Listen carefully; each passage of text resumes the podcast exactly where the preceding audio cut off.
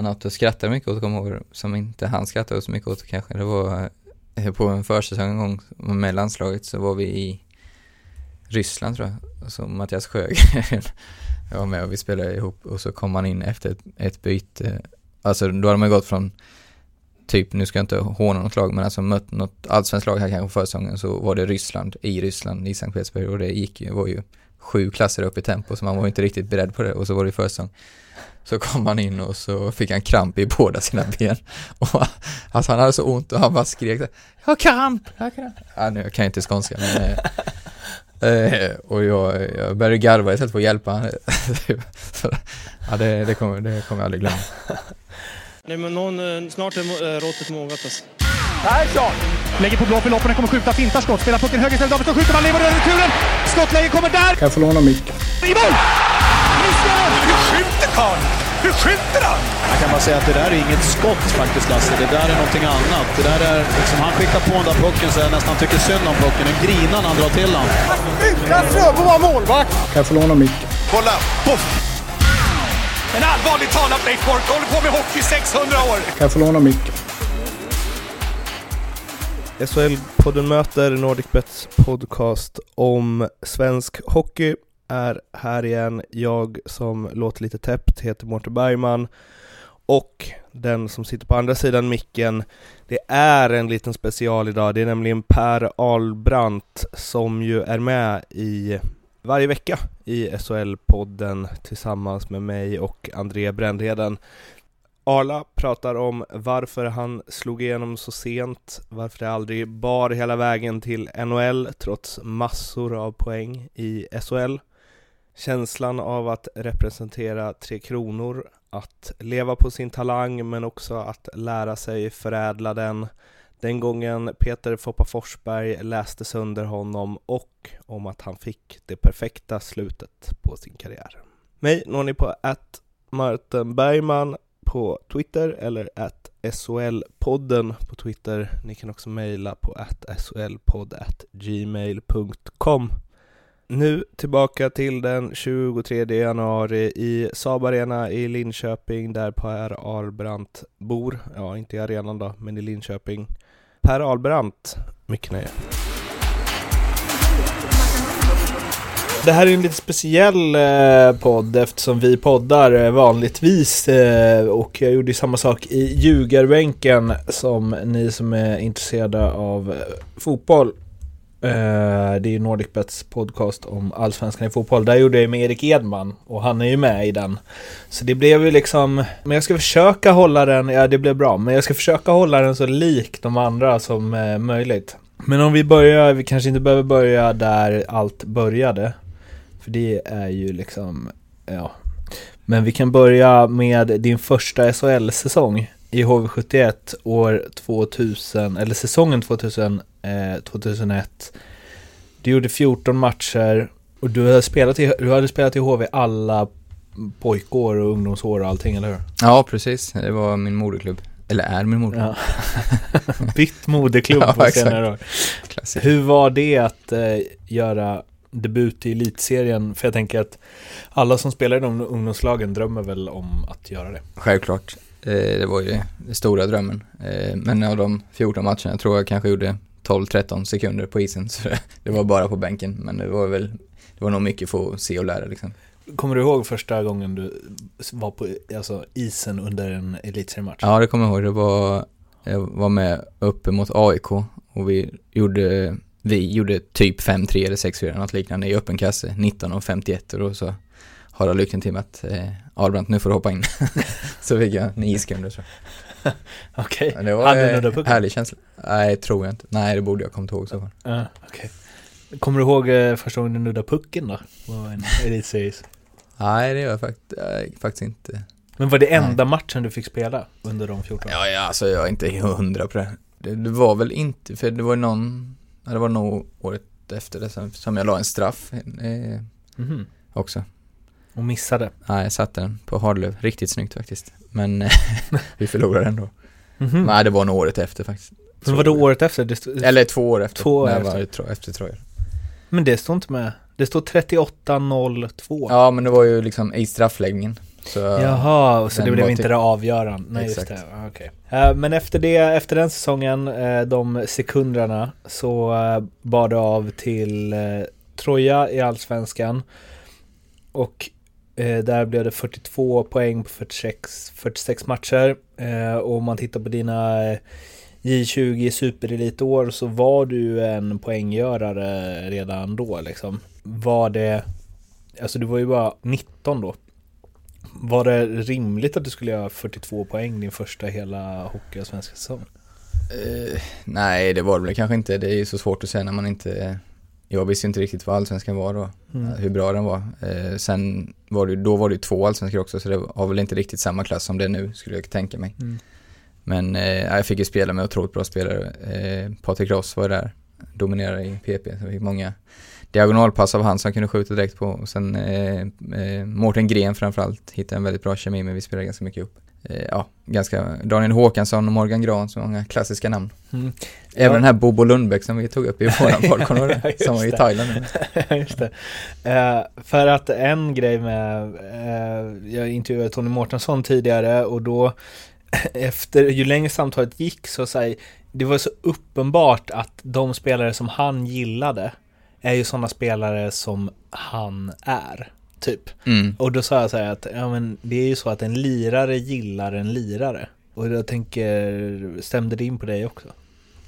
Ja, men det är klart, eh, det är ju de man får bäst kemi med, det är ju de som man tänker ungefär likadant som. Så, så är det nog för de flesta, så det, det är väl inte så konstigt egentligen, men eh, självklart kan man ju uppskatta riktigt tuffa spelare sådär, men det man betalar pengar för att kolla på är ju helt klart lirare. Var du en lirare då? Ja, det skulle jag nog säga att jag alltid har varit. Eh, jag var nog nästan ännu mer lirare än vad jag var sen så att säga. Okej. På vilket, du liksom slipade bort det dåliga med att vara Ja, lirare? försökte i alla fall. Okej. Jobba lite mer hemåt. Jag tror inte det var supervast då. Sen fick du chansen i eh, HV igen, då blev det 38 matcher, två ass och eh, växlade lite med att spela för Rögle i Allsvenskan där. Va, hur var den, liksom, för det var väl den första riktiga elitserien? Ja, nej men det var ju eh, lite jobbigt såklart. Eh, fick det inte att lossna. HV hade ett grymt bra lag så jag har sagt det förut. Jag platsade helt enkelt inte. Det var inga konstigheter.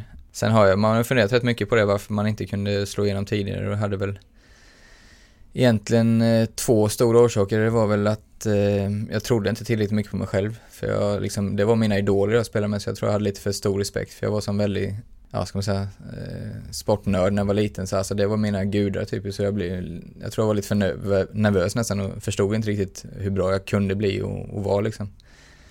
Och sen det andra var nog att eh, jag föddes ju, fick ju en väldig talang i spelsinne och teknik och sådana grejer. Men kanske inte fick den talangen och älska att träna som vissa får. Mm. Eh, den har mer fått slita mig till på de sista, sista tio åren kanske. Och börjat tycka det är kul att träna. Det, så var det inte för vi, säger jag nu, som föds med den talangen klarar oss ofta Mm. väldigt långt på och inte behöva eh, lägga ner samma jobb vid sidan av. Men eh, så det, det var väl också en orsak att, man, att jag liksom inte var tillräckligt fysiskt stark helt enkelt. Var det första gången du stötte på patrull liksom? Ja men lite så var det ju faktiskt. Men det, det är nog de, de två grejerna som jag kom på. Men ska man ta något enskilt så är det faktiskt det mentala. Det är så otroligt viktigt att våga tro på sig själv. Det, det är kanske inte så många som tänker på det men det blir Man måste ta plats liksom. Sen ska man ju självklart vara ödmjuk på, på många sätt och alla sätt. Men just att, att våga och spela sitt spel helt enkelt. Jag tror, liksom, jag tror jag försökte bli något annat än vad jag skulle fortsätta. Så du, du hade inget hos dig att du så här, fan jag är som, jag, är, jag borde få spela mycket mer, jag är mycket bättre än de här, alltså Nej, nej. så var det inte, inte den säsongen i alla fall. Men eh, sen så blev det Rögle istället i Hockeyallsvenskan. Att två gånger har liksom, ja, första kan man väl knappt säga att du fick försöka, men Ja men du fick i alla fall komma upp i HV, spela med dina idoler och så vidare som du sa, att, att så att det liksom inte gick där. Mm. Att, var det tungt? Ja, det var det eh, självklart. Eh, men det var inte alls lika tungt som den tredje gången där i Södertälje. Eh, kom vi kanske till, men det, det var ju absolut klart tyngst. Mm. Eh, jag var ju fortfarande väldigt ung då när jag kom till Rögle. Jag var ju typ 20 kanske. Mm. Så det, det var tungt men det var inte, det var inte hela världen liksom. Och där gjorde du ju en, två, tre, fyra säsonger. Mm, fyra och en halv där jag blev utlånad i mitten. Så. Ja, just det. Vad hände med Per Ahlbrandt under de fyra åren? Ja, det är fyra härliga år som jag kommer ihåg. Alltså trivdes grymt bra i både staden och laget. Det är något som Rögle faktiskt alltid haft, eh, varit bra på just eh, sammanhållningen. Nej, bara med glädje nästan. Sen var det synd att vi inte det var, vi hade lite samma syndrom tror jag som jag pratade om innan, att vi trodde kanske inte riktigt tillräckligt mycket på oss själva. Gick, vi gick till kvalserien tre av de fyra åren tror jag, kanske två, men jag tror tre nästan. Mhm. Nej, två kanske det var. Men eh, liksom, det var aldrig så att vi kände nu jäklar ska vi gå upp, utan det var, jag, tror vi blev lite nöjda med att komma dit. Men för, er, alltså började du hitta, för det är ju en, liksom en knasig poängskörd. Du börjar på 39, sen så blir det lite sämre, 35, spelar för sig färre matcher. Sen ännu lite sämre, 26, spelade ännu färre matcher i och för sig. Och sen så gör du ju 72 då, på 45. Det man undrar där är ju, vad hände inför 06-07 egentligen? Ja, det var väl en liten del kanske att man bestämde att jag var lite bättre vid sidan av. Men det är ju inte hela hemligheten. Utan det, Nu känns som det kommer komma fram lagkamrater här som Ja, kommer få ja men det blir ju så. Eh, jag, jag har ju alltid varit sån att jag, jag är ju, det är väl alla mer eller mindre, men jag är ju beroende, på, beroende av att ha, att ha eh, bra, eh, ja sådana som tänker ungefär som jag, för jag är inte den som dribblar två killar och hänger upp den, utan jag, jag är ju mer passning, give and go liksom. Så jag blir ihopparad där med Zachrisson och Mattias Karlsson och det klickade direkt och jag kände att får vi, får vi göra det här så kommer det bli bra. Och det, det här tror jag vi har tagit upp någon gång i podden men du gjorde ju alltså ändå nästan 30 poäng mer Ja. än Mattias Karlsson. Jo. Vem, vem gjorde all, eller så här, var, vem gjorde de målen då? Ja men han gjorde nog en 25 baljor tror jag nästan. Ja, han Eh, gjorde 28 och 28. du gjorde 25. Ja okej. Nej men jag vet, jag kommer inte ihåg sådär men sen blir alltså jag växte ju såklart. Jag fick ju ett enormt självförtroende och, och spelade ju just då spelade jag ju min livs bästa hockey så det, Mm. jag, jag utvecklas ju såklart. Där måste du ju känt så här att bara nu har jag pejl på det här. Nu är det dags för högre eller större utmaningar. Ja men just att eh, i kvalserien där så gick det rätt bra också, även mot elitserielagen då, så då kände jag att, väl att eh, nu, mm, ja nu platsar jag liksom. Och då hamnade du i Södertälje. Var Mm. de ny? Ja de gick upp det Mm. året. Och vad hände där? Ja vad hände där? Det var eh, Eller hände inte kanske? Ja, precis. Nej, jag blev, eh, jag fick nästan min, tror det var den skadan som har hållit mig borta längst ifrån hockey någonsin på försäsongen här, så jag var borta fem eller sex veckor nästan, sträckte mig i magmuskel. Så jag kom tillbaks lagom till premiären eh, och så spelade jag i fjärde kedjan och vi hade väl inte det mest offensiva laget. Samtidigt så återigen så vek jag ner mig lite mentalt och jag, jag spelade inte så bra som jag kunde gjort och kanske tvivlade lite på mig själv igen. Så det var väl en, eh, ja det blev ingen, ingen bra det heller helt enkelt. Men hur kunde det gå från den liksom jättesuccén och Mm. poängrekord och hej och hå till att tvivla på sig själv över liksom några månader? Ja, det är ju en jäkligt bra fråga. Det, det, så här i efterhand så låter det konstigt men eh, det går ju fort i idrott, alltså just med självförtroende i färskvara. Och sen så, ja, jag spelar inte med lika offensiva spelare heller. Så det, det är klart att det spelar in också men, men jag, jag, ja, jag var besviken över att jag inte jag tog för mig mer kanske. Du sa att du inte hade det i HV, att så här, jag borde spela mer och så. Hade du det där? Alltså kunde du bli så här, varför får jag inte lira PP? Varför får jag inte, alltså. Jo, det kunde man ju känna absolut. Men tog Eh, du då det snacket? Eh, Nej, inte vad jag kommer ihåg. Eh, jag har uselt minne men, men samtidigt så kommer jag ihåg att när jag väl fick göra det så gick det inget bra heller. Nej. Så eh, då får man någonstans vara, titta sig i spegeln och kanske acceptera att, att man inte spelar PP just så. Så jag, jag för mig jag fick ett par chanser men eh, ja, jag, hade, jag var på gång där ett tag, kommer ihåg. Jag gjorde någon balja och det gick bra några matcher efteråt men sen, eh, sen gick det dåligt igen. Och, ja, det var en, eh, den jobbigaste säsongen helt klart i min, i min karriär. Är det? Ja, det var det. Ba, ba, hur, eh, hur tack, alltså ba, tänkte du så här, okej jag kanske är en bra eh, allsvensk spelare. Ja, men lite så- bättre än så. Precis, lite så blir det ju. Att man, eh, eller jag, som inte då hade det, det, de rätta tankarna kanske. Att, man, att det blir väldigt lätt att man kommer i de banorna. Var du deppig? Nej, deppig, alltså ja, över hockeylivet absolut. Men inte så det jag var inte deprimerad som person. Men det påverkar inte sidan av liksom? Jo, det är klart det gör. Det, det ljuger ju de som säger att det inte påverkar hur det går. Men alltså jag har aldrig, jag har alltid älskat att leva om man ska säga det. är inte Mm. som man inte vill gå upp på morgonen liksom. Nej. Det blev 26 matcher där och sen så lämnade du det för Klagenfurter i eh, Österrike. Mm, var det bara en så här, ah, jag måste bort liksom? Ja, det var mycket så, absolut. Eh, det blir ju så att man trivs ju varken på eller sidan av eller sådär. Så då, ja, det var att jag, jag ville därifrån helt enkelt. Hur blir du när du, eller hur blev du då? När det gick emot? Alltså blir du liksom så här funderar mycket? Ja, jag blev nog mer introvert och håller mycket för mig själv tror jag. Okej. Svårt att sova, eller så här, ligga och fundera på Ja, absolut. Det, det gör mig. Är det så alltså? Ja. Är, varför jag tänker att man, fast det är så himla svårt, men det, som jag säger, när du vet att så här, det, för det känns som det finns ganska många idrottare som skulle skylla på något, någon annan. Alltså här, jag var så bra tidigare, jag är fortfarande så bra, det är Ja. ni som inte, Som inte fattar det. Aha. Ja, det är ni som inte kan göra mig bra. Typ. Ja. Alltså, ja jag fattar vad du menar. Eh, visst fanns det säkert sådana tankar också men jag, jag tog nog mer åt, åt mig själv om man säger att jag mm. inte var tillräckligt bra. Hur var Österrike då? Ja, det var ruggigt kul, jag ihåg. Eh, Det var liksom en sån, ja först var det skönt att få komma bort och tycka spela hur mycket som helst och tycka det var riktigt kul med hockey och sen är det en helt annan kultur där det kunde komma ölburkar inflygande eller plastglas från läktaren och så, alltså det är helt annorlunda van, vi har aldrig varit utomlands så, så det var det var ju som en liten kulturkrock men det var, jag tyckte det var jättekul. Vad är kvaliteten, eller var kvaliteten där?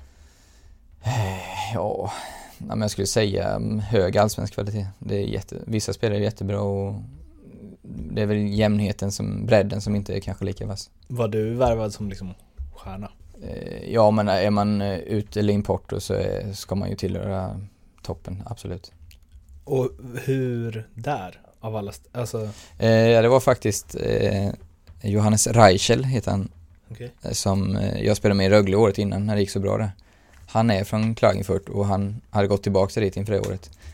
Och så när det blev, jag vet inte om han läste eller något att, ja, att jag inte skulle vara kvar så jag tror han var lite inblandad i det och låg på att de skulle värva mig. Det blev ju, var det 12 matcher enligt E- EP där? Ja. Nio i grund och tre i slutspel. Ja, precis. Det var ju också lite eh, fiasko. Vi kom tvåa i serien och eh, så åkte ut direkt i tre raka mot Ljubljana. Eh, Ja, slovenska laget. Med legendaren, nu glömmer jag bort namnet, en center. Han var typ 45 år, han var så sjukt bra. Han legat NHL länge. Han dominerade den kvartsfinalserien. Men alltså jag kollar lite här på laguppställningen det år. Det är en och annan eh, nordamerikaner. Ja. Alltså en, två, tre, fyra, fem, sex, sju, åtta. Det var så sjukt system det där, kommer ihåg, för att du fick ha 40 poäng i din matchtrupp. 40 eller om det var 44. Så in, och alla importer var 4 poäng. Så inför säsongen så samlas alla tränare och betygsatte alla andra spelare i ligan, alltså de inhemska. Så vissa var enpoängare och vissa var två. Var du typ, hade du varit med i landslaget var du fyra poängare, även österrikare och var du ja, liksom hyfsat bra, då var du tre poäng. Alltså så det blev ett evigt pusslande för coachen för att få, få, få de här max 44 poängen. Det låter som sådana fantasyspel. Ja, att man ja, bara men får det var- köpa för en viss. Det var häftigt. Jag vet inte om det är så fortfarande, men det var, så var det. Men det, där hade du liksom, där hade du kunnat tänka er att stanna? Ja, och det är väl ett sånt där man har funderat mycket på. Det är ändå tillfällighet i en idrottskarriär, för jag, jag trivdes som sagt jättebra och jag fick ju bästa betalt som jag hade haft. Jag hade inte haft jättebra, men alltså jag tyckte det var bra så. Och det gick rätt bra. Jag var skadad lite, men och de, de ville ha kvar mig, kom ihåg. Men så blev det fiasko då i kvartsfinalen. Eh, så då, som ofta gör på dem, breddgraderna rök ju hela ledningen typ. Mm. Och då helt plötsligt skulle alla importer bytas ut. Ja, någon fick väl stanna men från att ja, de ville ha mig kvar så, så fick jag inte vara kvar helt enkelt. Och sen med facit i hand så var det ju, hade jag aldrig haft en karriär förmodligen som jag hade sen om inte hade jag fått, få, inte fått vara kvar så att säga. Nej. Då hade du Eller glassat, om jag hade fått vara kvar rättare sagt. då hade du glassat på där nere. Ja, men det är säkert. Tjänat massa pengar. Nej, alltså så bra var det absolut inte, men Nej, okej. jämfört med vad man hade i Allsvenskan. Och där är ju också så här nästa säsong gör du i Västerås, då gör du 77 poäng på 42 matcher. Och där känner jag också lite så här, alltså redan här blir det ju, eller så här, det är ju här det blir tydligt, för sen har du bara gjort massa poäng resten av karriären. Men om vi säger så här, hur kan du, att du kunde gå ner dig så mycket från Rögle 72 poäng till Södertälje, att det var liksom så lätt att rubba på. Så var, uppenbarligen var det ju exakt lika lätt att skjuta liksom upp det i höjden igen. Det krävdes Ja. liksom nio eller tio bra matcher i Österrike. Och sen bara boff. Ja, men ja. Ja, det är skumt det. Alltså, Samtidigt som jag, som jag återigen måste säga, jag fick ju spela med Niklas Olausson och det är väl en av de som jag haft bäst kemi med genom hela karriären. Vi, vi, det gick ju riktigt, riktigt bra tillsammans med Sebastian Meyer som du känner igen från Leksandstiden.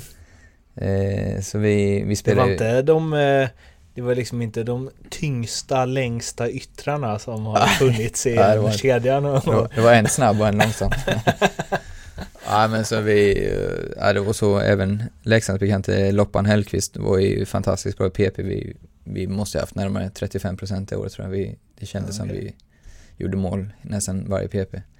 Så ja, det var ju också sådär sjukt att att bevisa för sig själv att man kan fortfarande liksom. Även om det var, fortfarande var på allsvensk nivå. Men hur funderar du då undrar jag när du på, vad blir det här, det blir åt, på 87 Hockeyallsvenska matcher så gör du alltså 149 poäng. Och, det är, och de är alltså på varsin sida om en SHL-säsong då du gjorde två poäng på 26 matcher och inte fick spela så mycket och hej och. Mm. hur, hur, vad tänkte du då?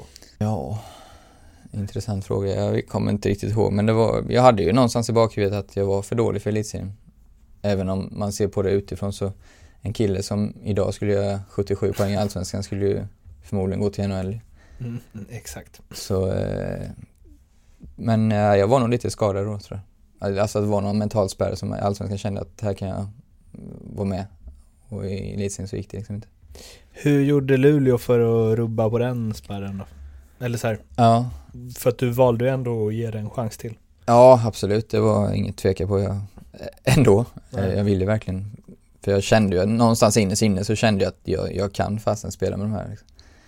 Men, eh, men det var väl mycket att Niklas också fick kontrakt. Det var ju en enorm trygghet både på och utanför. För vi är fortfarande än idag bästa kompisar. Så vi, vi, ja det var en stor trygghet för mig. Eh, och sen, Var det o, liksom uttalat att ni skulle spela ihop? Ja, det var det väl, mer eller mindre. Jag tror ja, absolut. Eh, Ja, men sen så gav de oss väldigt stort förtroende just i powerplay. Vi var, vi spelade med Anders Burström i en tredje fjärde kedja. Spelade, ja, inte jättemycket, fe- alltså normalt 5 mot 5 men, men så fort det var powerplay så fick eh, jag och Niklas verkligen chansen och, och även om det gick dåligt någon match så fick vi fortsätta och det, till slut så lossnade det. Var, ja, jag har mycket att tacka för Roger Kyrre och Roger Rönnberg så att de fortsatte tro på oss. Var det, men det tog ett tag innan det lossnade där också eller? Ja, det var ju ironiskt nog så var det ju andra matchen var ju hemmamatch mot Södertälje. Första hemmamatchen mot just Södertälje då så eh, gjorde jag mål första bytet. Eh, var på isen och det var ju, det är kanske det just skönaste känslan nästan man har haft i kroppen. Gjorde du mål eller? Gjorde Ja, jag gjorde mål. Ja. Alltså inte skönaste. Gjorde du en sån Adebayor då? Åkte över hela isen och hyschade borta fansen? Nej, precis.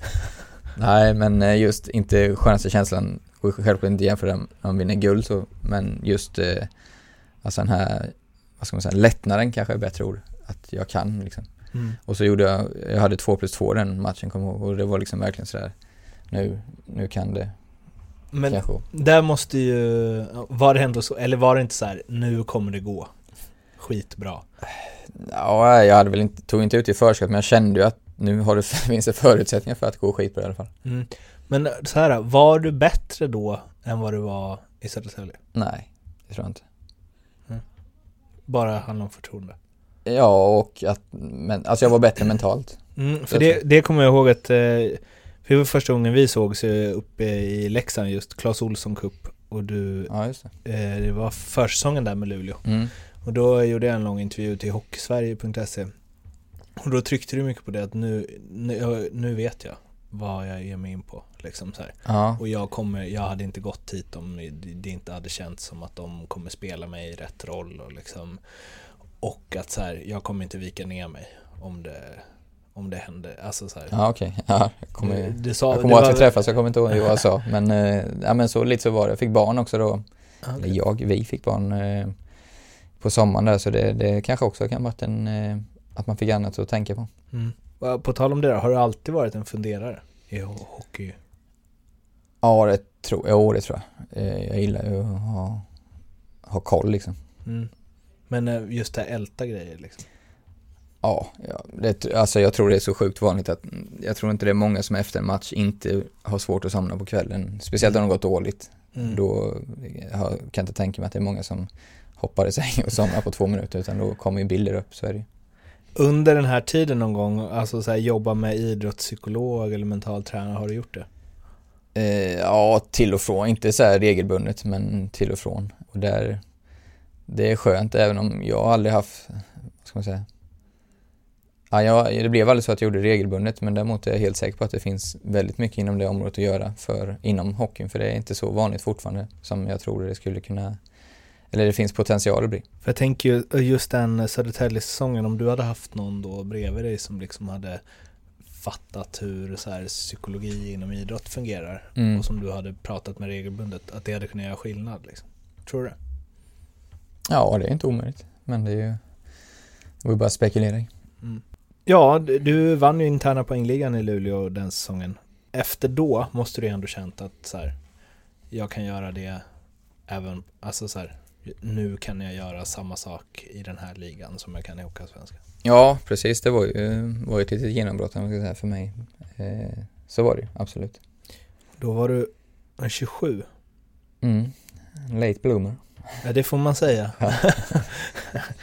Och säsongen efter så gjorde du samma sak. Eh, vann poängligan och där har jag eh, interna alltså. Och där har jag en grej. Vet du vad du mer gjorde den säsongen eh, som du inte hade gjort under de tidigare? För, alltså de var tvungna att spola tillbaka till säsongen i... Nej, ingen säsong innan den. Det var första. Eh, vad jag mer gjorde? Jag fick, jag kanske hade över 50 utnyttjningsminuter. Eller något. Var den första säsongen då du, trots att du liksom vräkte in poäng, I plussen. så, den första säsongen där du gjorde flest mål i laget. Jaha, okej. För vilket är helt knasigt, till och med när du gjorde 77 poäng, då gjorde du 28 mål, men du gjorde Meijer 29. Mhm.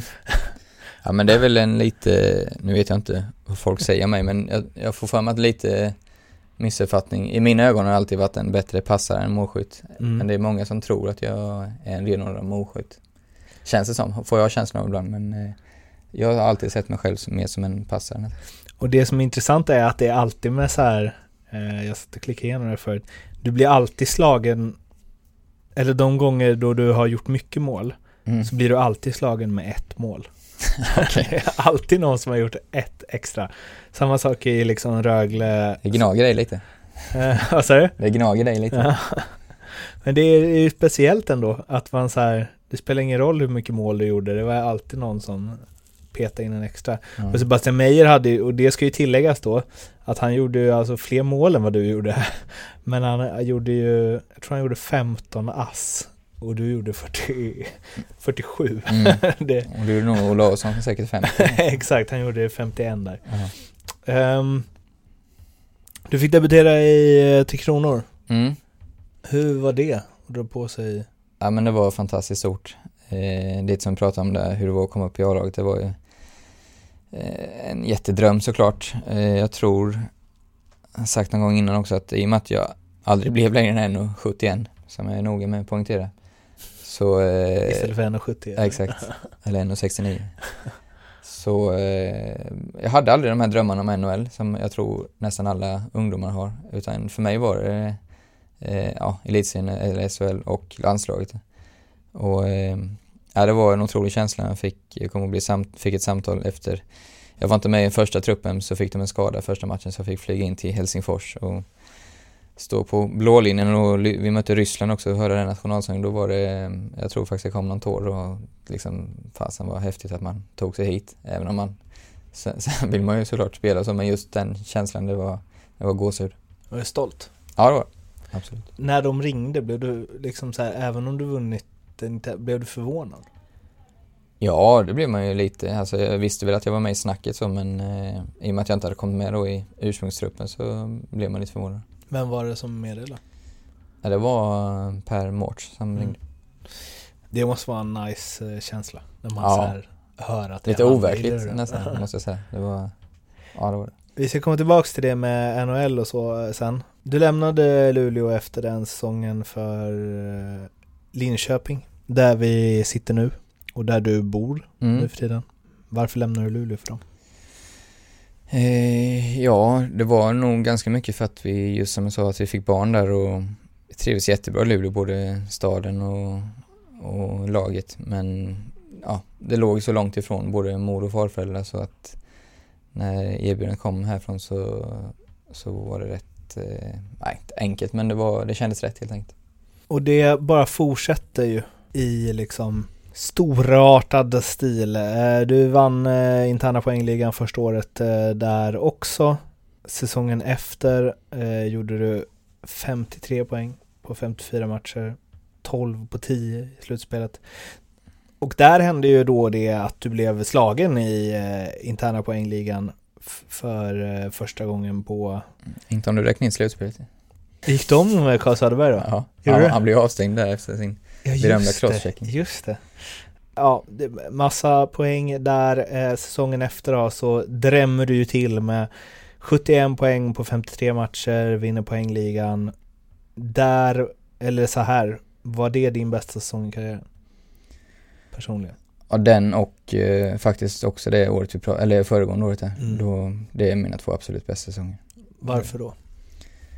Ja, återigen kommer jag tillbaka till Kärlekamraterna och, eller femmer. Med, men samtidigt så var jag, jag var faktiskt, ja får säga det, jag var bra då. Jag hade en jäkla självförtroende och kändes inte som jag, jag tog rätt beslut hela tiden. Alltså passa när jag skulle passa och sköt när jag skulle skjuta och jag kände mig ruggigt bra då. Helt enkelt. Var du bra i hela tiden nästan? Alltså varje match liksom? Det, eller det måste Ja. man ju vara om man ska göra 20 poäng fler än man spelar matcher liksom. Ja, precis. Ja, alltså klart, självklart hade man dåliga matcher men det var inte jättemånga. Så det tror jag inte vi, vi var, vår femma var riktigt bra den säsongen, jag måste säga. Eller de säsongerna. Vilka lirar du med? Eh, Det var ju Simon Hjalmarsson var ju på, på andra sidan. Eh, fantastisk kille. Eh, och så var det ju Carl Söderberg första året och Mattias Sjögren andra året som centrar. när det går så bra, jag vet att du berättade det någon gång att så här, att ibland kunde du, ja men så här, göra typ ett plus två och du kände att eh, liksom inget hade funkat. Eh, Ja, inte riktigt. Ja, jag fattar vad du menar. eh, Ja, men man är ju inne i en zon, så är det ju. Jag har ju haft ja, tre sådana säsonger nästan, ja, fyra kan man nästan säga. När det liksom, det är så jäkla kul eh, att spela och man, ja, man tänker inte, det är det, jag har alltid sagt i hockey så ska du inte tänka alltså det, hur du agerar, det ska du bara göra. Sen måste du tänka och förbereda dig innan matcherna. Men Mm. just när du är på isen och, och det är det som händer när man är, som alla idrottare pratar om, när man är i zonen, då bara agerar man ju istället och, och kommer från ryggmärgen liksom. var eh, livet liksom så jävla gött då? Ja, självklart. Men som jag sa, jag har alltså alltid haft ett bra liv. Så men självklart så är det ju extra härligt när det går bra både på, på jobbet så att säga. Jag tänker det liksom, det är som att man Ja men du var ju bäst, alltså du gjorde flest poäng i hela, du måste ju, eller blir det sen naturligt eller kände du att bara fan, jag liksom vann Nej. poängligan? Ja, Det det kommer jag nog vara mer stolt över om fem, sex år tror jag. Ja. Men, eh, men det är ju, alltså ju, som jag sa, eller som du sa i början, jag har ju alltid gjort mycket poäng så det var inte så stor grej för mig, alltså Mm. just då. Men det är klart, gjort näst flest poäng efter Håkan Loob genom tiderna, det är ju rätt häftigt. Det är det. Efter den säsongen så hamnade du i bil. Varför då? Eller så här, var det pengarna? Eh, ja men det var, jag var ju lite sugen på att tjäna stora pengar såklart i eh, KL då. Så på våren där så, men jag hade ju kontrakt ett år till. Mm. Så på våren så frågade vi, eller ja väl på att förhandla lite med, med Linköping och det var ett par intresserade klubbar. Men det, det blev aldrig något för det rann ut i sanden och KL var just då det var lite osäkert hur det skulle bli, lönerna gick ner helt plötsligt och sådär så det var, ja, det blev inget så att säga. Så jag var fullt inställd, körde sommarträning och allt med Linköping och var inställd på att vara kvar. Sen i mitten av juli någon gång tror jag det var, så ringde det och, och då eh, ringde min agent och sa att eh, nu kanske de, ja för det var lite prat om Schweiz också så men det var inte, nej det släpper vi inte till. Men sen helt plötsligt har de ändrat sig. Eh, jag vet inte om det var ekonomiska orsaker. Eller om det blev någon bytesaffär där. Jag var inte inblandad så mycket men ja, jag fick ett samtal. Jag tänkte att eh, nu kan det lösa sig. Är du fortfarande intresserad? Och så ja, fick man Då hade ju Niklas redan gått hit. Han är ju, eh, Olausson, han hade gått hit i maj eller april liksom. Så eh, det var ju också en enorm trygghet då såklart.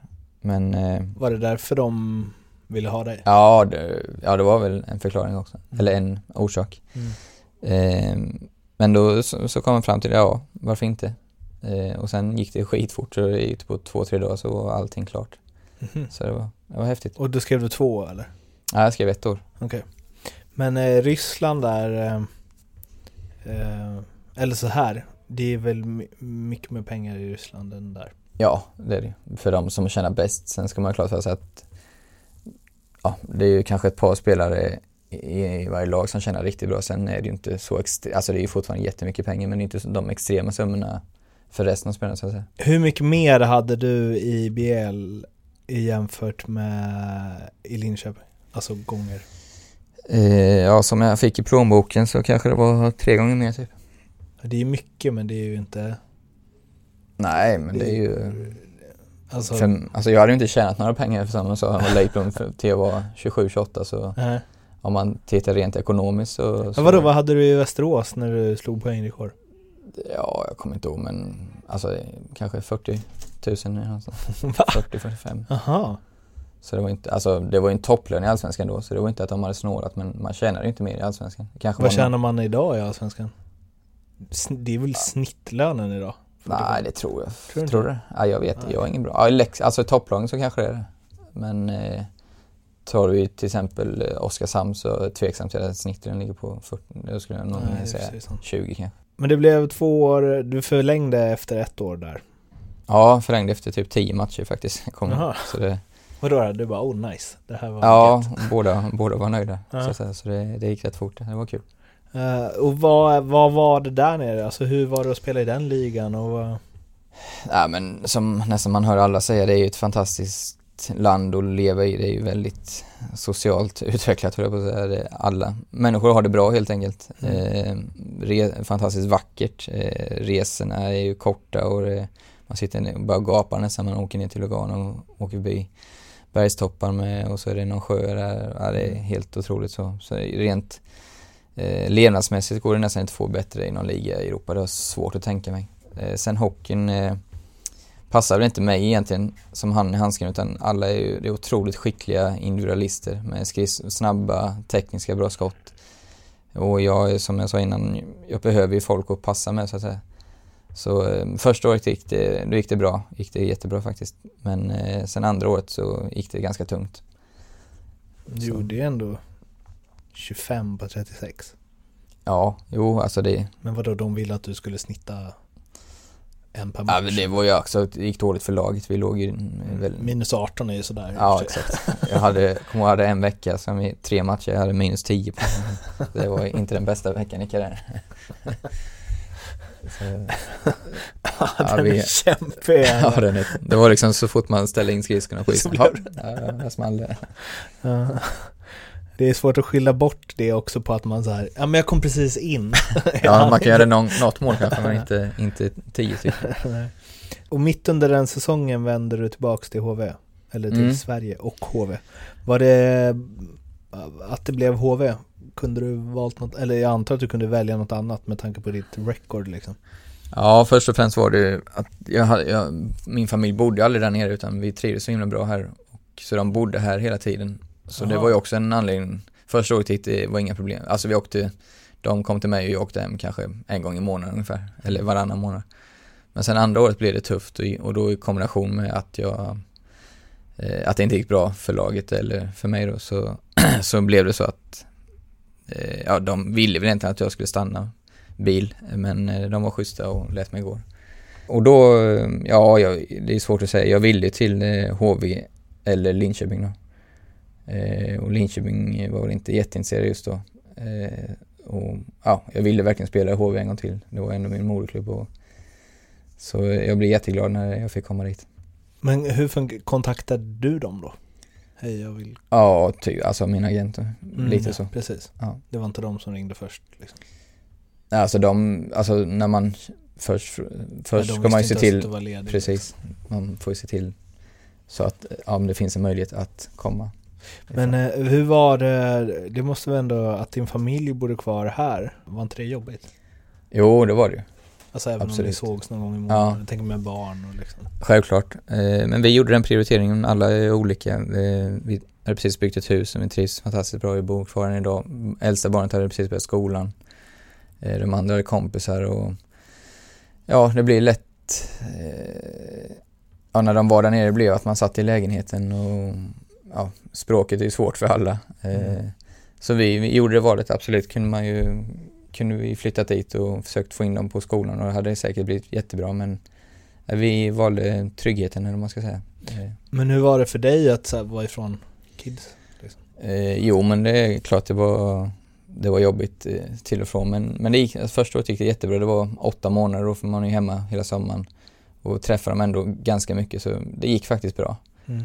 Eh, det måste jag säga. Det påverkade inte ditt hockeyspelande? Nej, det ska man inte skylla på. Så. Och det blir ju någonstans här, vi ska ju verkligen komma till hur cirkeln liksom super sluts sen förstås. Men första de 15 matcherna eller vad det var i HV, Mm. den säsongen där du kom, eh, hur var det att liksom vara, Tillbaka. ja, Eh, ja, men på första matchen hade vi Skellefteå hemma. Och förutom att jag i mitt första byte så fick jag ett sånt dunderläge och sköt ett jättebra skott faktiskt med målvakten, om det var Marcus Svensson kanske. Eller vad heter han? Ja, jo det Ja. tror jag. Gjorde en grym räddning måste jag säga, om man får hylla han. Eh, nej men jag skulle säga förutom det så var det var en chock då, just det här pressspelet är ju helt annat än, man fick ju ingen tid. I Schweiz kunde man ju ta pucken och ta en sväng ner och åka och leta lite men här så small det direkt. Så det, det kommer jag ihåg att man tänkte oh shit, det var ju så här det var ja, just det. och just Skellefteå som fortfarande då var ju, ja, bäst eller, ja, de var ju final hela tiden. Så det, det var ju, det var ju ett bryskt uppvaknande. liksom glassat där i bilen ett tag. Ja, så ska man inte säga. Men Ja, du men- förstår vad jag menar. ja, det är verkligen. en annan hockey. Men eh, att vara liksom tillbaka där allt börjar och så. Hur, Ja men det, det var en lite overklig känsla också. Just att, kommer ihåg när jag gjorde första målet där, det var, det var riktigt häftigt. Eh, jag har aldrig varit sån där, eh, vad ska man säga, jag gillar att titta framåt istället för bakåt men visst eh, var det, visst var det en härlig känsla och när familj och släkt ofta satt på läktaren och, och man var tillbaka när man började. Och nu sitter vi här i kontor på Saab Arena. Du gjort några år i Linköping, alla morsar på dig här, du är expert under matcherna ibland på deras egna sändningar och så. Men om man ser där när du kom tillbaka till HV, är liksom HV71 laget i ditt hjärta liksom? Eh, ja men det är faktiskt, eh, jag får ofta den frågan och i och med att HV och Linköping är så bittra fiender. Bland fansen då alltså inte. Mm. Eh, men jag har faktiskt båda lagen eh, i hjärtat. Eh, det kan jag helt ärligt säga. Linköping har verkligen tagit en plats i mitt hjärta. Eh, Dels såklart för att det gick så bra här och, men att vi bor här och vi trivs så himla bra här. Mm. Och, eh, men samtidigt är HV också självklart eh, min moderklubb och jag stod, jag var på varenda match när jag var, var liten och, och så fick sluta cirkeln som vi kan komma till och ja, men, ja, jag skulle inte säga det är jättesvårt, det låter konstigt men jag har faktiskt båda, båda lagen i hjärtat. Jag tänkte om du så här när du drog på dig HV-tröjan igen, att du så här att du kände att nu spelar jag för mitt favoritlag. Ja, alltså självklart. Det, det, är, en, det är en helt annan känsla än än man om man drar på sig en, en tröja i något utländskt lag kanske som, Mm. alltså visst man gör alltid sitt jobb självklart men just det runt omkring är ju, ja de är stolta för sina lag både i Jönköping och, och här liksom. Var det speciellt att möta Linköping? Ja, det var det verkligen. Var, vi hade de andra matchen här borta. Eh, och det var nästan fullsatt och vi fick storstryk, 6-1. så här. Det var, det, ja då var jag väldigt nervös faktiskt. På, för att eh, det där jag pratade med eh, Pajen tidigare idag och han berättade att när han kom tillbaka från utlandet, han har bara mött Han har bara mött Leksand en gång i Leksand sen han lämnade dem. Oj då. Och det Mm. var då, om jag förstod det rätt. Och det tyckte han var svinjobbigt.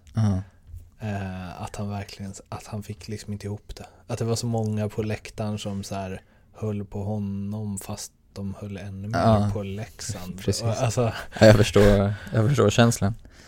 Men, eh, ja men det blir, det blir en märklig känsla. Det kommer ju alltid, oavsett vad man säger så är det ju alltid speciellt eh, att spela, eh, ja för mig både då när man var och spelade i, mot HV i Jönköping eller när man var här då. Mm. Så det, det kommer det alltid vara, eller det var det alltid. Det finns, eh, ja alltså du har ju fått den här frågan så jäkla många gånger säkert och, och se om du kan eh, krydda svaret med något men du får ju, eller jag har en fråga som jag ställer till alla i slutet med massa så här snabbfrågor som jag kallar det. Där en är, hur skulle din sista match i karriären vara om du helt själv får bestämma hur gammal du är, var du spelar, vilka du möter och vad som händer? Och, och det känns som att du fick ju vara med om det du hade svarat på det. Ja, precis. Och hur många får vara egentligen? Det är ju, det är ju rätt eh, makalöst alltså. Det måste ju vara liksom, det är ju det perfekta slutet. Det är som en film. Ja, Liksom. ja det är får, Om det fanns en film om ditt liv så är det ju ett jävligt bra slut. Ja, det. man blir, sitter nästan blir lite känslosam så när man tänker på det. Eh, Det är ju, ja, jag, är med, alltså jag är så himla tacksam och liksom så här ödmjuk för att man fick vara med om det. Mm. För det är mer den känslan. Alltså vi kunde ju lika gärna torskat i, alltså det, folk säger men det var någonting som gjorde som att ni vann. Ja, men Brynäs kunde ju lika gärna vunnit. Mm. De hade powerplay i sadden och hade något skott som var precis utanför målvakten inte ser någonting så. Alltså man måste vara ödmjuk där och de kunde ju faktiskt lika gärna vunnit. Just när det blir så jämnt. Mm. Så eh, nej, jag är tacksam att man fick vara med. Vad minns du från när Simon Önnerud gör målet? Ja, jag, kommer, det, jag kommer ihåg att jag vaknade upp, om man ska säga. För de, de första sekunderna kommer jag inte ihåg. Men när vi står, vi, vi står utanför speakerbåset där och i en stor hög. Då kommer jag ihåg att jag så här bara, shit vi vann. Fram till dess så är det svart. Okej. Det, det är något man, jag faktiskt, det säger man, men jag, jag unnar de jag tycker om i alla fall att få, få vara med om det. Det måste ju vara en, eh, eller som man säger ofta att den känslan inte går att beskriva liksom. Men det Nej. måste ju verkligen vara ett sånt rus som är utom denna värld. Liksom. Ja, ja verkligen så det är nog bättre än varenda drog du kan ta, kan jag tänka mig. Att du fick det slutet, eh, eller så här, hur mycket påverkade det att du la av? Eh, lite kanske, ja, jag var nog rätt bestämd innan ändå kändes det som, men självklart eh, hade man, fått, hade man torskat och fått smälta det ett par veckor så kan, kanske, jag hade nog inte sagt direkt då att det här var min sista match om jag torskat. Mm. Jag, jag tror jag hade kommit fram till samma beslut men jag ska inte säga det hundra. Varför? Slu- alltså jag menar, för du har ändå, sk- sk- skulle ändå säga att du har en spelstil som inte påverkar supermycket av ålder. Mm. Och dina så här, alltså det hade varit värre om du hade varit, om du hade levt på din kvickhet, eh, liksom att du hade varit så otroligt snabb. Och att det hade börjat mattats. Vad var det som fick dig att liksom ändå, Nej men jag var eh, ganska mätt på det om man säger. Eh, jag kände att jag, lite ändå så kände jag faktiskt att eh, de som kommer upp nu är så jäkla snabba och man känner att man hänger inte riktigt, alltså man hänger med självklart eh, men just att när man vet om hur mycket det krävs för att vara med. Jag hade inte riktigt den motivationen kan man väl eh, säga och lägga ner det, det jobbet eh, som man har gjort i 15 år nästan. Och så just när man känner att man blir lite sämre. Jag, spelade, jag var inte så bra som jag hade varit och det var en rätt jobbig känsla att man kände att jag hade varit bättre förut. Sen kanske det hade orsakat att alltså, jag kanske hade, hade kunnat vara så bra men jag var inte det. Så, eh, nej men lite motivation och ja, jag var lite, jag kände att jag, jag har gjort det här nu. så det var inget, var det liksom inget, vad säger man?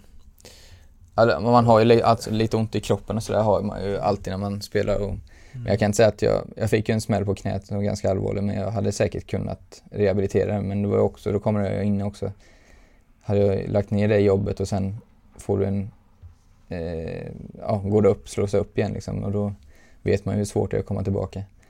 Eh, men nej, jag, jag, jag var trygg i mitt beslut och det, det är det jag tror är det viktigaste för man ska vara klart för sig att den kicken som man får när du spelar hockey och får, få spela matcher, så här, det, det går inte att få i andra livet. Eller fruktansvärt svårt, jag vet inte, jag vet inte vad det skulle kunna vara. Så det, det är nog det man måste vara trygg med att, att eh, det här kommer jag inte kunna uppleva igen. Men är du väl det och känner att ja men fan jag har fått, fått vara med om så mycket och jag vet vad det innebär att sluta så, så tror jag man, man känner sig rätt bekväm. Men det fanns ingen så här, oh, nu har jag eh, tappat ordet för men när man är liksom jag menar att det känns eh, Vemodigt? Exakt. Ja. Jo, självklart. Och eh, jag tror tre första månaderna så drömde jag nog om att jag spelade i princip varje natt och det händer fortfarande att jag gör. Och att, eh, att det är en jäkla härlig känsla så det skulle man ju ljuga om och sa att man, alltså när jag sitter på läktaren här och det är fullt tryck, det är klart man vill hoppa in och spela PP liksom. Det är inget snack om saken men så eh, när man kommer tillbaka till verkligheten för vad det skulle krävas så, så känns det ändå eh, bekvämt. Eller ja, som att det var rätt beslut. Vad, vad händer i de drömmarna? Gör du massa snygga mål eller? Ja, Det är bara PP? Ja, precis. Ja, ofta så blir det ju att jag inte kommer ut på isen. Det var ju något som förföljde mig. Så här att tröjan, eh, jag satte på den på fel håll. Alltså det är väl, jag tror det är att man så är lite stressad så har jag läst. Det var ofta förekommande. Jag fick inte av skridskoskydden eller alltså sådär. Jag tror det känner igen sig. Sen var jag, ofta panik man vaknar och liksom kom aldrig ut. Okej. Okay. För att så här, summera det här då. Den karriären vi nu gått igenom. Uh, och du har varit inne lite på det att du drömde aldrig om NHL och så. Uh, jag tänkte direkt så här Theo Fleury när du sa att du inte hade storleken och så. Han var väl fan 1,67? Ja, men han var ju... Han vägde ju för sig 90 pannor också.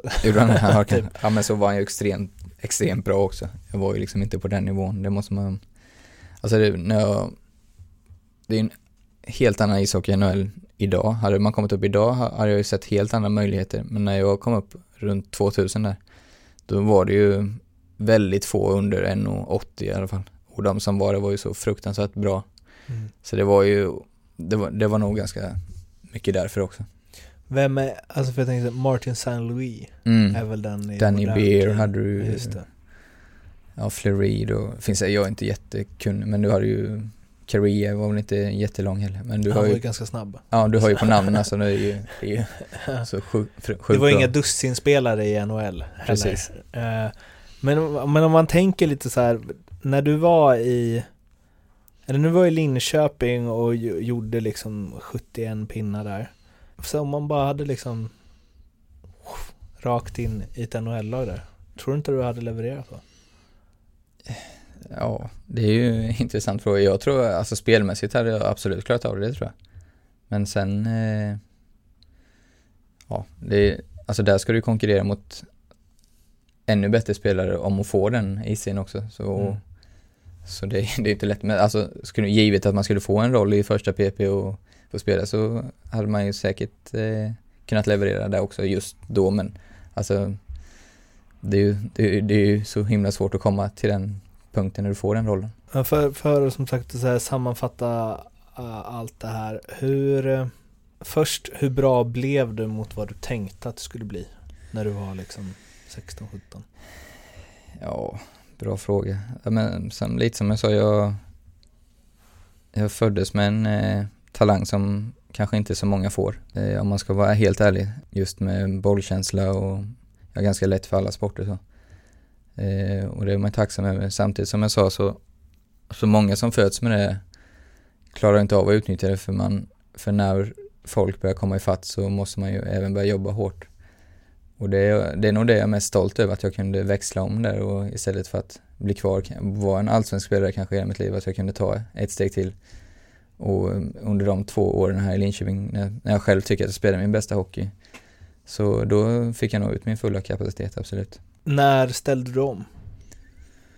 När var det så här, nu måste jag faktiskt Ja, alltså jag har aldrig, sen bara får man säga att man var, jag har aldrig, alltså varit helt så här eh, rabiat med det, utan jag har alltid, nej men jag har aldrig, vad ska man säga, jag har haft ett liv i sidan av också som Mm. jag, som jag aldrig liksom, un, aldrig, aldrig unnat mig någonting sådär liksom, men att man blir mer noggrann med det, det var väl, ja men det var nog inför eh, året där i Rögle när det gick riktigt bra. Så det fick effekt? Ja, det fick det. Men samtidigt så är jag, eh, som jag varit inne på innan, så är jag säker på att eh, mentala har ännu större påverkan än vad fysiska har. Däremot så när du är i bra fysisk form Mm. så kommer du, får du lite det mentala gratis också för att du Mm. känner det. Så det, det, har, det hör ju ihop såklart. Det- En grej, du, det fanns inget så här att eh, efter, ja men du sa att du inte orkar offra längre eller liksom göra det jobbet som krävs när du bestämde dig för att lägga av. Det fanns inget åt dig, hos dig att så här, gå ner på en lägre nivå, Conny Strömberga runt och slå härliga mackor och bara njuta av hockey men kanske inte ge hundra. Nej, jag tror faktiskt inte jag har det i mig. Jag vill, eh, när jag gör något så vill jag göra det bra. Eller, alltså, ja, jo men jag vill gärna, då är det liksom, då vill jag vara så bra jag kan vara. Mm. Vara bland de bästa liksom. Mm. Så, nej det var, nej jag har svårt att se mig att jag skulle bara spela för att det, alltså det kan man göra med kompisar sådär. Det gör jag varje vecka med, spela innebandy och sådär. Och då är det inte så att jag måste vinna men Men du är bra på innebandy va? Ja, jag väl eh, fick ett erbjudande om att hoppa in i division 1-lag här nu. Eller två lag är det i och för sig, de går upp i ettan. Okej. Men, eh, eller erbjudande, men så att jag kunde komma om jag ville. Nej men jag tycker det är otroligt kul att, idrotta helt enkelt. Mm. Ja. Men du måste ändå kunna tävla, om det ska vara på, om det ska vara hockey ska det vara på riktigt liksom. Ja, det är så jag. Alltså sen skulle man ju, vad ska jag säga, skulle det komma något erbjudande typ från någon jätterolig, eh, alltså inte på den, vad ska man säga, från någon liga, eh, ett roligt äventyr och åka dit och spela Mm. en månad eller något så absolut. Men då, då är det ju andra förutsättningar. Då har ju inte de kraven på mig själv och Se om någon lyssnar, vi hade ju några lyssnare i Thailand. Ja, precis. Kaulak IF. Nej men, eh, ner. nej men jag, jag tävlar det saknar jag absolut. Det skrev jag också i någon blogg här att eh, det, det, det saknar mer än vad jag trodde faktiskt. Mm. Det, det är så himla kul att tävla. Om du ser tillbaka på din karriär, det det blev, hur nöjd är du? Ja, jag, eh, jag är eh, nöjd. Eh, Som jag sa, jag, jag är som person, i- tittar hellre framåt än bakåt. Så det är liksom, det, det går inte att göra något ogjort. Sen hade jag kanske kunnat spela från när jag var 20 i SHL istället för 27. Absolut, men eh, då kanske jag inte hade fått den toppen. Då hade jag kanske blivit lite eh, mätt på det också när jag var Alltså då har jag inte fått den utveckling jag fick kanske när jag var 28, 29, 30. Man vet ju aldrig. Men jag är absolut nöjd och stolt. Avslutande frågorna då, som jag kör på alla jag intervjuar. Mm. Förutom Foppa, Sudden och Lidas, vem är Sveriges bästa spelare genom tiderna? Eh, Henrik Zetterberg. Jag tar någon modern, jag kan ju. Har inte så bra koll på dem. För. Förutom Gretzky och Lemieux, vem är världens bästa spelare genom tiderna? Sidney Crosby såklart. Tror du att under, di- under din sista SHL-säsong, tror du att du eh, så bra som du var då hade spelat i första femman i alla NHL-lag 1990? Eh, nej. Om du får tänka helt fritt, vilken regeländring, hur galen den än må vara, hade du velat testa någon match inom hockeyn? Eh, att eh, backar inte fick crosschecka efter avblåsning och åka in mot målet. Vad händer då?